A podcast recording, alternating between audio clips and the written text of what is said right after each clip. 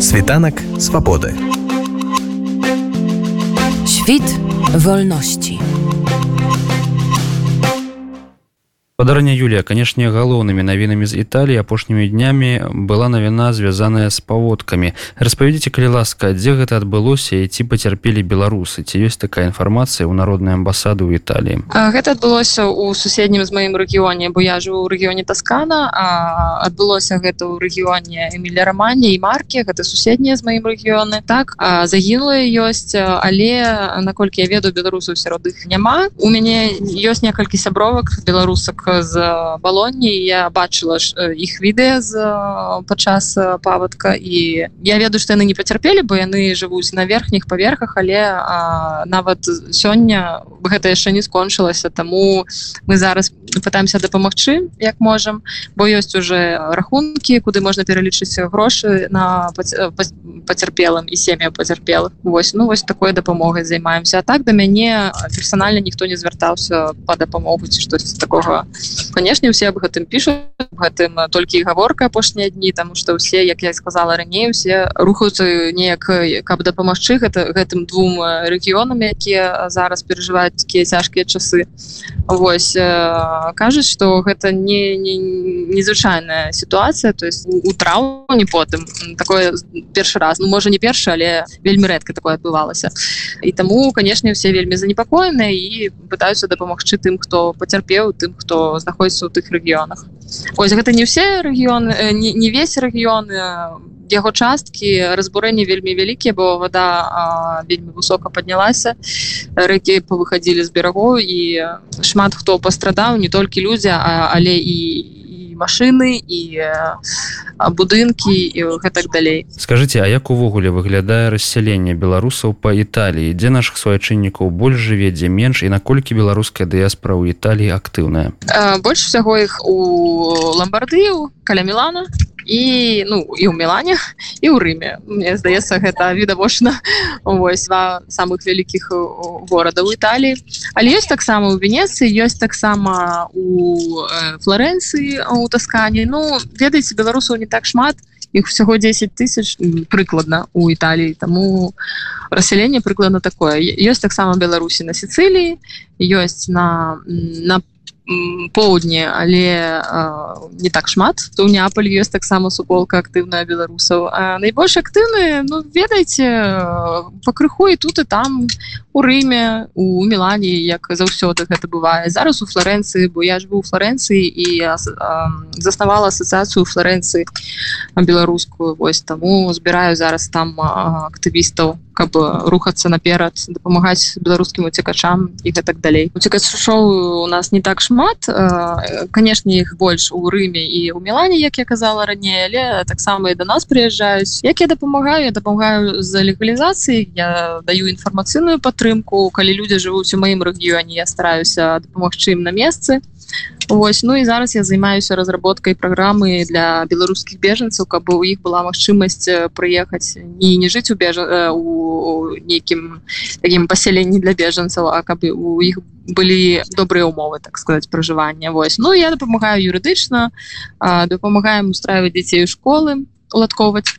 вот ну вот такого тыпу. Таксама по, по працы калі ёсць запрос які то я намагаюся дапамагчы але тут як пашанцую Вось дарэчы об вашай актыўнасці. Вы наколькі я ведаю ад імя народнай амбасады ў Італію склалі кветкі на манументе монта-касіна бітва вельмі вядомая яе называюць італьянскім сталінградам але магчыма не ўсе ведаюць прычым тут беларусы. Распавядзіце калі ласка. Туды быў кінуты польскі батальён які павінен быў прорваць лінію лінію густава калі я не памыляюся і прайсці прорвацца да рыму. І 18 траўня у іх яны здолелі гэта зрабіць вось і прычым тут беларусы у батальёне польскім было амаль 190 беларусаў якія пакінулі сваё жыццё там загінулі Вось гэты монумент туды звычайна прыходзіла амбасада афіцыйная амбасада беларуская Вось але прыходзіла не не ў траўні як павінна было быць а прыходзіла ў ліпені Ну і ў гэтым годзе я вырашыла палажыць туды таксама наш вянок бел чырвона-белых колерах як і павінна быць мне рассказывалі что у іншыя годы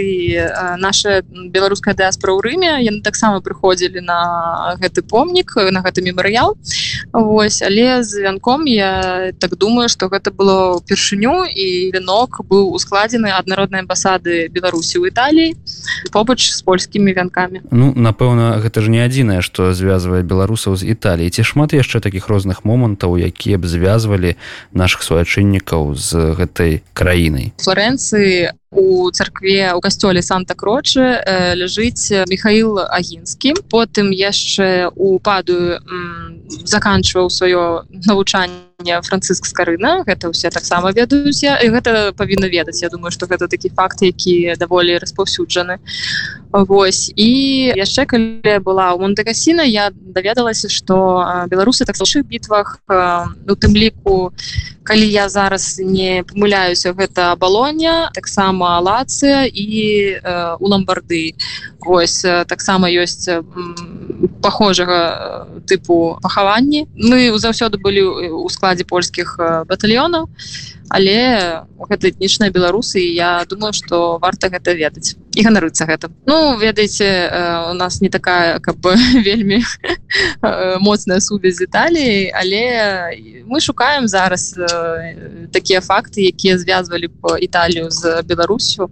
Ну іх магчыма не так шмат але яны ёсць. Скажите ці плануеце вы якія-небудзь яшчэ акцыі у бліжэйшай будучыні? Наконт іншых мерапрыемстваў я займаюся зараз гэтым пытаннем ну зараз я займаюся больш бежанцамі цікашамі і гуманітарнымі проектамі каб прывесці дзяцей палітвязня ў італію на адпачынак вось гэта зараз асноўныя такія напрамкі. Гэты праграмы я анансую на у сос, соседках народнай амбасады беларусі ў італіі. Вось можна запоўніць google форму і таким чынам падаць заявку. Прошлым годзе прыехала 33 чалавекі у венецыю А вось гэта было 10 сямей 5 сямей палітвязняў і 5 сямей уцікачоў. У гэтым годзе плануецца таксама проекты але зараз мы шукаем фінансаванне. Вы ведаеце что гэта такие больное пытанне заўсёды. Але намагаемся шукаем можа атрымаюцца таксама ў гэтым годзе прывесці сем'і палітвязняў.